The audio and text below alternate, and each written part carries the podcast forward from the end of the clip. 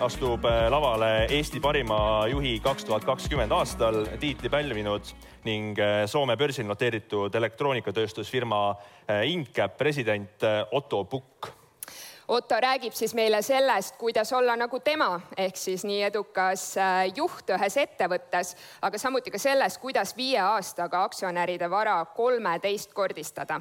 nii et palume sind lavale, Otto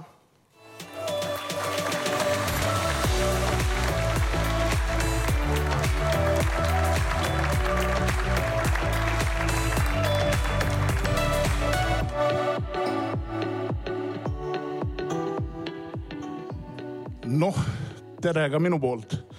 et äh, väga meeldiv on siin teie ees täna esineda. kui palju meil siin Incapi aktsionäre on publikus? no teie kaks võite juba koju minna, eks ole, te juba teate, kuidas see investeerimine käib, aga eks siis ülejäänud kuulavad. Incap mainiti on elektroonika tööstusfirma. oleme Helsingi börsi peal noteeritud üheksakümne seitsmendast aastast. meil on kaks tuhat viissada töölist. meil on siin sadakond on siin Eestis, Saaremaal, siis meil on Slovakkias ja Ühendkuningriigis tehas ja Indias kaks, ehitame isegi kolmandat seal hetkel ja no kuskil seal nüüd muidugi aktsia hind kõikub, aga, aga market cap on kuskil seal kolmsada viiskümmend, nelisada miljonit hetkel. et, et see Incapis. ise nagu mainisin, siis juhin seda ettevõtet hetkel. kui vähe nii rääkida selle teekonnast sinna, siis ma olen võib-olla nagu aktsendi pealt on kuulda, olen Rootsis sündinud, küll Eesti peres. tulin noh, käisin Rootsis koolis ja ülikoolis, lõpetasin majanduse eh, Örebro ja Stockholmi ülikoolis kunagi. Kunagi võttis, homme esineb siin väga äge, äge mees nagu Marek Kiisa, tema võttis mind kunagi tööle. Ah,, seal ta on, vaata, Marek istub seal, kindlasti on väärt, väärt kuulata. tema juures ma tegin kunagi praktikatööd ja paar aastat hiljem tulin, tulin Eesti ja siis Marek parajasti läks sealt firmast ära ja ja siis ma uskusin, et ma tulin sinna niisuguse tootmiskontrollerina, aga tol ajal oli Eesti seadusandlus nii, et pidi olema Eesti kodanik, et olla juhatuses või vähemalt pool juhatust või kuidas see reegel oli. Siis Rootsi omanikud seal küsisid minu käest, et, et kuule, kas sa ei taha siis nagu juhatus ka minna, et kui sa juba lähed, et ja juhatus otsetõlkes rootsi keeles on nagu nõukogu ja palju börsiettevõtetel on ju nõukogus mingi nagu employee representative ja siis ma ütlesin, ja, ja ma võin minna küll ja siis alles esimene nädal sain aru, et ma vist juhin seda ettevõtet siin. et, et, et väga huvitav, aga noh, firma sai ka aru sellest ja, ja määrati mulle üks, üks vana, vana niisugune Rootsi tööstusjuht Sten-Åke Karlsson, üks, üks mentoriks mulle ja, ja alguses siis ta käis iga teine nädal ja siis lõpus käis kord kuus ja lõpuks niimoodi mõne kuu tagant ja vaikselt sain nina vee peale ja hakkasingi juhtima ettevõtet, et ma ei ole kunagi, ma olen muidugi ülikooli ajal igasuguseid tööd teinud, hullumajas töötanud ja, ja nii edasi, aga, aga peale seda, kui ma oma oma nii-öelda hariduse sain, siis ma olen ainult ettevõtte juhina töötanud, et, et mis on päris huvitav.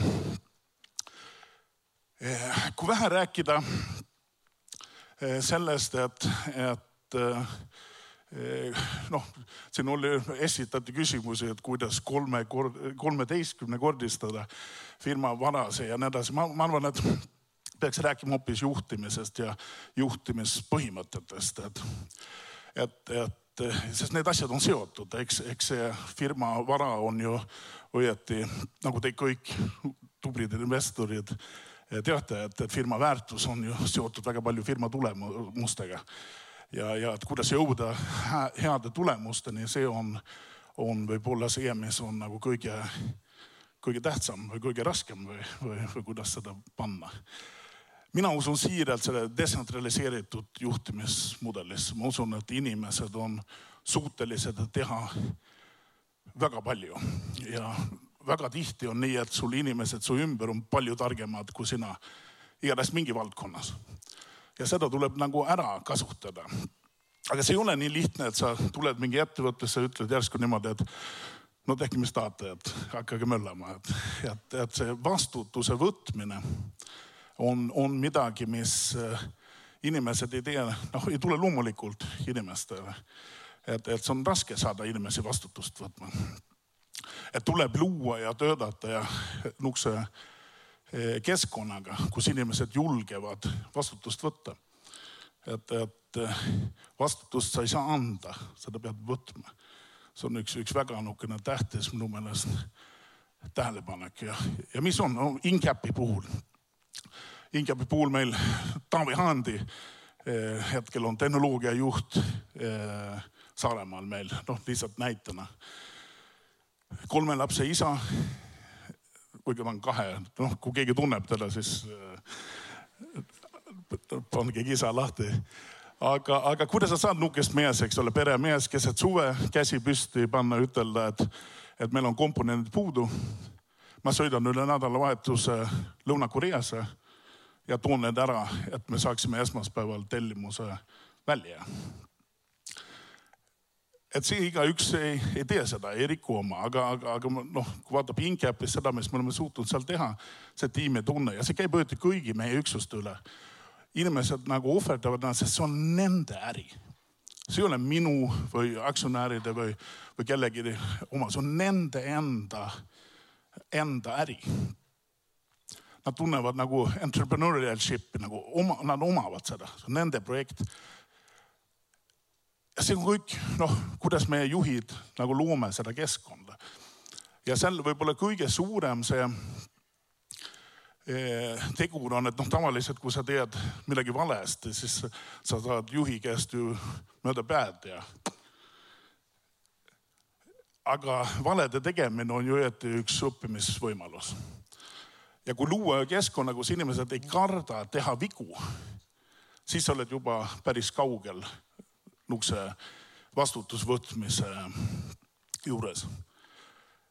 et see on kõik kinni nagu sinust nagu juht ja, ja, ja, ja teiste juhtides ja kuidas, kuidas sa ehitad seda meeskonda ja ehitad neid tingimusi selle meeskonna ümber. et nad julgeksid võtta riske investeerimistega on ju sama asi, et, et, et julgeda ka mingil määral mingit riski võtta. ja sa teed vigu, mitte küll Incapi investeerides, aga teistesse. et, et siis kindlasti, et, et aga et luua selle, selle keskkonna, ma arvan, on, on, on, on väga, väga tähtis kui vaatab siis jälle Incap detsentraliseeritud juhtimine, mis see meile annab, eks ole, et, et otsused võetakse allüksustes. aga see tähendab ka, et kliendi perseptsioon meiest või meie teen, teenustes on äh, väga hea, me oleme väga kiired otsusevõtjad. et me võime iga koosolek, kus me lähme, siis meil on need inimesed seal, kes võtavad otsused antud küsimuse kohta. ei ole nii, et jah, lepime midagi kohtu, kokku või ma jooksen üles-alla mingi püramiidist, tulen tagasi ja siis no mul ülemus ütles, et päris nii ei saa, et teeme vastupidi. ja see kõik on ju üks aja raiskamine, aga tänase päeval, kus, kus eriti tehnoloogiaettevõtlusel see time to market, kui kiiresti saad oma toote või, või teenuse turule, on oluline, siis, siis eh, on, on väga tähtis just see, see kiirus. samas see annab ka, vaata, kui sa lood selle, selle keskkonna, kus on vastutuse võtmine et, et olla vastutav, see on ka motiveeriv inimestele. kõik ei ole rahas, et vastutus võib olla motiveeriv iseenesest. Ja, ja kui sa annad inimestele võimaluse, et, et võtta otsuseid, võtta, teha äri ja, ja lüüa kaasa, siis eh, neil meeldib töötada su juures. ja kui vaatad Incapi meeskonda üle terve maailma, kõikides kohtades, seal on fantastilisi inimesi, kes on seal mitte ainult palka teenimas, sest on jumala cool see, mis me teeme elektroonika on üldse cool, et kui keegi siin mõtleb elupööre peale, minge õppige, eks ole, et, et, et igasugused kihvte vidinatega saate mängida ja, et aga see on motiveeriv. ja noh, tagasi tulla siis ettevõtte väärtuse juurde ja tulemuse juurde. kui sul overhead ei ole, siis sa teed suuremat kasumit. ja nii lihtne see, õieti see Incapi edulugu on numbrites. et kui vaadata ülejäänud elektroonikafirmasid, nende EBIT on kuskil seal viis-kuus protsenti. me teeme kahe numbritega, noh, neliteist, viisteist, isegi oleneb selle toote miksist vahest kõrgem. aga, aga see ei ole sellest, et meil on parem äri, et meil oleks äh, teised kliendid või, või, või nii. et see on väga lihtsalt nii, et me ei kuluta seda raha ära ja siis see jääb alles. Aga noh, kliendid on rõõmsad, töötajad on rõõmsad, investorid, omanikud on rõõmsad, et see on üks väga hea niisugune kontsept, mis, mis, mis töötab, töötab meil väga hästi selles mõttes mul oli spikker ka, et, et igaks juhuks, et ma ei unusta midagi ütelda. siin esitati noh raskeid küsimusi, eks ole, Janne, et mida ma kõiki pidin, pidin eh, teile rääkima, eks ole. Aga jah, ma olen kõiki peaaegu jõudnud, eks ole, ma olen alles alganud oma ettekanne, see on nagu fantastiline ka vahest, eks ole. aga jah, võtta vastutust, mitte karta vigade tegemist. see, ma arvan, on, on, on, on key ja, ja lõppkokkuvõttes Eh, see toob, toob eh, juurde nagu võimalusi, et, et eh, kasvatada ettevõtte väärtusi. Selles mõttes ja ongi saladus, õieti ma olen lootnud siin, et, palju küsimusi ja nii, nii Eh, ka julgete siin, siin esitada, et, et ma olen kindel, et teie, kes in, investorid, siin potentsiaalsed investorid olete, olete nüüd nuputanud välja, kuidas mind siin grillida teie ees, eks ole. ja olen, olen, olen selles mõttes selleks, selleks valmis, et Otto, ma saan aru, et äh, võime hakata küsimusi võtma. ja no see läks kollaseks, nii et ma hakkasin. Äh, ja teeme nii, meil on aega nüüd, äh, teeme aplausi, aitäh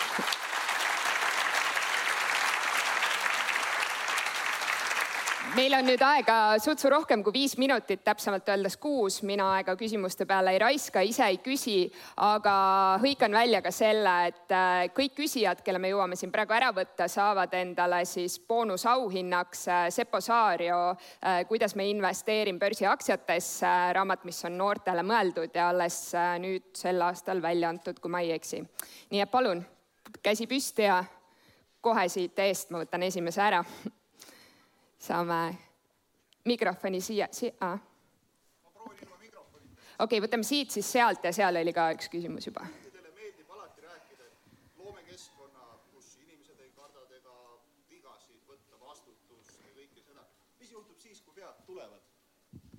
Mis juhtub siis, kui vead tulevad? tahaksin hakata teil investoriks, huvitab, mis siis saab, kui vead tulevad? Ei no vigu teeme kogu aeg, ega, ega see ei ole nii, et, et on üks perfektne maailm, kus vead vead ei, ei, vaadake nüüd, et te saate kohe koti kätte, kui te esitate küsimusi, nii et, et et, et, et vigu juhtub ja, ja, ja nagu mina näen seda, siis, siis eh, ega sa ei saa nagu nüüd hakata nagu kedagi karistama selle eest.